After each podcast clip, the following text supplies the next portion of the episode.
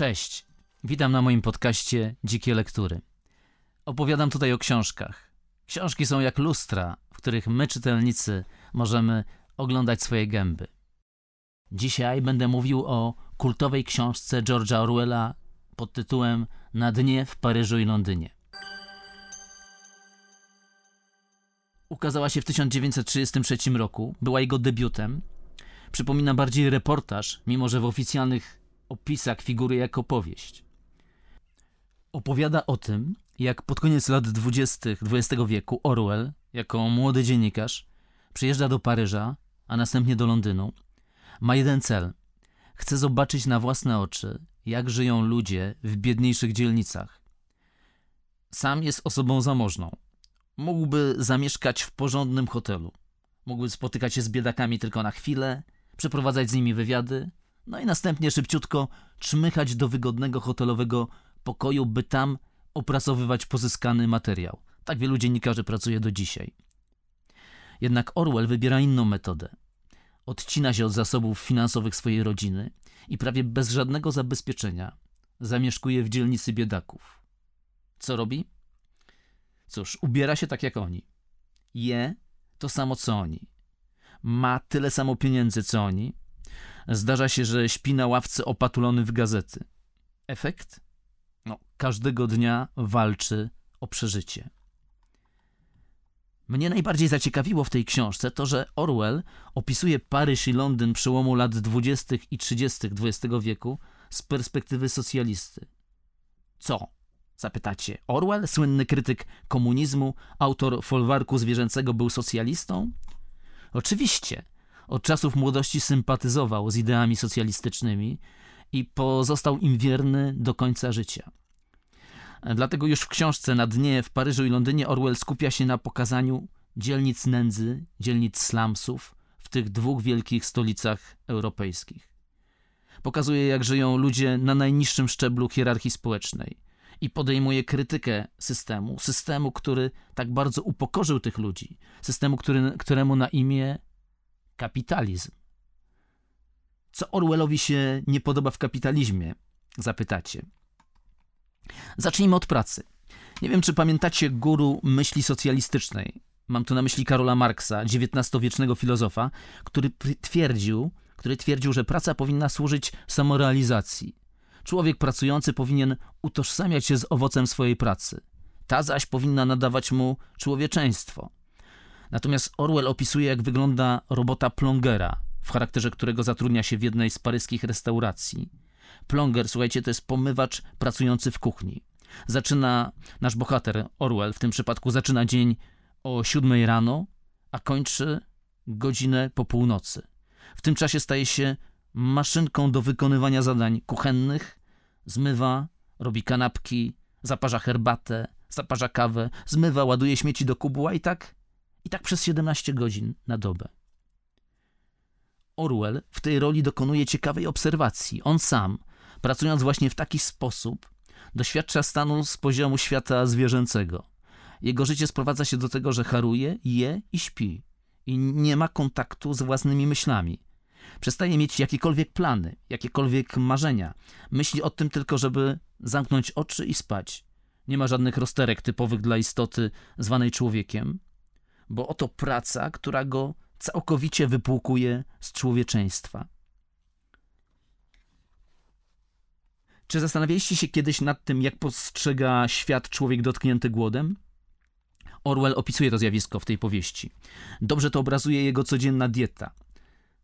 Słuchajcie, to co on je wygląda mniej więcej tak. Są to dwie kromki chleba z margaryną plus herbata. Powtórzę, dwie kromki chleba z margaryną do popicia herbatą. Powtórzone trzykrot, trzykrotnie w ciągu dnia, następnie powtórzone przez 7 dni w tygodniu, no i moglibyśmy iść tak dalej. Co się dzieje z człowiekiem, który funkcjonuje na takiej diecie? Przede wszystkim opada z sił. No nie ma kompletnie energii. Ani jedzenie, ani życie nie sprawiają mu przyjemności. W pewnym momencie nie postrzega w ogóle siebie jako człowieka. Staje się po prostu brzuchem. Tak, człowiek staje się brzuchem wyposażonym w kilka organów niezbędnych do wchłaniania chleba i trawienia go, trawienia go zresztą z coraz większym trudem. Ciekawa jest również perspektywa człowieka głodnego, którą pokazuje Orwell. Kiedy kiedy idzie ulicami Paryża czy Londynu, nic nie dostrzega na witrynach sklepowych, tylko jedzenie. Widzi nawet jedzenie tam, gdzie go nie ma. Oto człowiek tknięty głodem, sprowadzony do jednej czynności intelektualnej, do rozsupływania zagadki. Jak zdobyć żarcie, jak napchać żołądek, jak zabić głód. Czy wiecie, w jakich warunkach mieszkali ludzie w tamtych czasach? Lata 20, 30 XX wieku, przypominam. Orwell wynajmuje pokój w jakimś hoteliku, leży sobie w łóżku, w butach i ubraniu, bo, bo nie rozbiera się, bo nie chce zmarznąć. Nie ma też sił, żeby zrobić porządek z karaluchami. Karaluchy akurat spacerują po ścianie. Właśnie, po ścianie wędrują karaluchy w dużych ilościach, a nasz bohater nie ma sił, żeby cokolwiek z nimi zrobić. Właściciel hotelu prosił go, żeby te karaluchy zgarniał i wyrzucał przez okno. Wyobrażacie sobie? Macie zgarniać karaluchy do jakiegoś pojemnika i wyrzucać je przez okno na ulicę, bo tak sobie zażyczył właściciel. Jednak Orwell, jak tysiące innych pensjonariuszy hotelowych, w swej niemocy podniesienia się z łóżka, rozgniata te karaluchy obcasem na ścianie.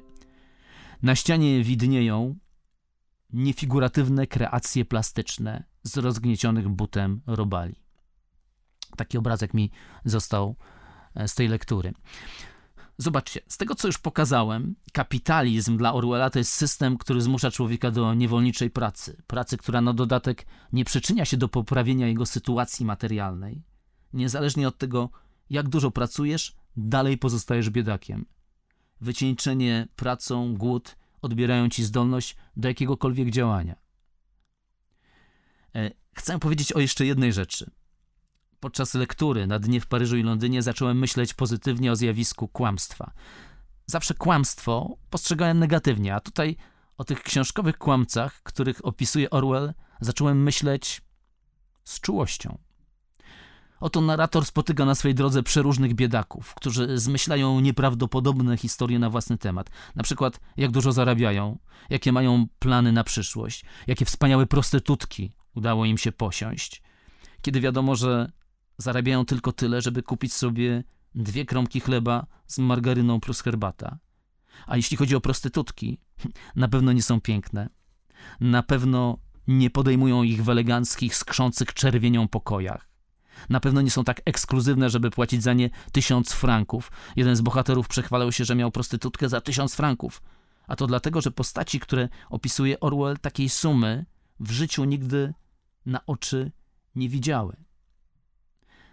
A jednak jest w nich ta potrzeba udawania przed innymi, potrzeba kłamania. Po co? No chyba by ocalić resztki własnej godności. Nie tylko przed innymi, ale też przed samymi sobą, bo oni sami często wierzą w te swoje konfabulacje. Podsumujmy. Orwell krytykuje system kapitalistyczny za to, że uczynił z pracy narzędzie zniewalania. Ten system sprawił, że praca odbiera człowiekowi zdolność do myślenia, zdolność do przeżywania własnego życia. Praca stała się czymś, co nie pomaga człowiekowi wzbogacić się, ale jeszcze bardziej go degraduje, upokarza i odczłowiecza. To, że więcej pracujesz, nie znaczy, że będziesz bogatszy. Wręcz przeciwnie, praca cię wyniszcza. Gdybym był czytelnikiem tej książki w roku 1933, właśnie wtedy, kiedy się ukazała, zadałbym sobie pytanie: jak długo te biedne masy będą w stanie wytrwać w tym upokorzeniu? Kiedy wyciągną noże, tasaki i siekiery, by obcinać głowy uśmiechniętym i zadowolonym z życia kapitalistom. Już e, na koniec jedna luźna refleksja. Książka Orwella pokazuje często ludzi, którzy w przeszłości byli zamożni, byli arystokratami, byli ludźmi, którym się powodziło, ale na skutek życiowych perturbacji stracili swój majątek i stracili swój społeczny status. To pokazuje pewną ponadczasową prawdę. Świat, w którym żyjemy, jest światem, w którym nic nie jest dane nam raz na zawsze, a nasza pozycja, nasz prestiż jest czymś bardzo kruchym. Więc kiedy spotykamy ludzi, którzy są nieogoleni, śmierdzą, szlajają się po mieście, rozsiewając nieświeże zapachy alkoholu, musimy pamiętać, że mają oni różne biografie, często podobne do naszych, i, nie, że, i że należy im się odrobina empatii, bo na ich miejscu moglibyśmy przecież być i my. Dziękuję za uwagę. To tyle na dzisiaj. Kanał nazywa się Dzikie Lektury. Do usłyszenia. Pamiętajcie, żeby zasubskrybować mój kanał i postawić łapkę w górę. Dziękuję.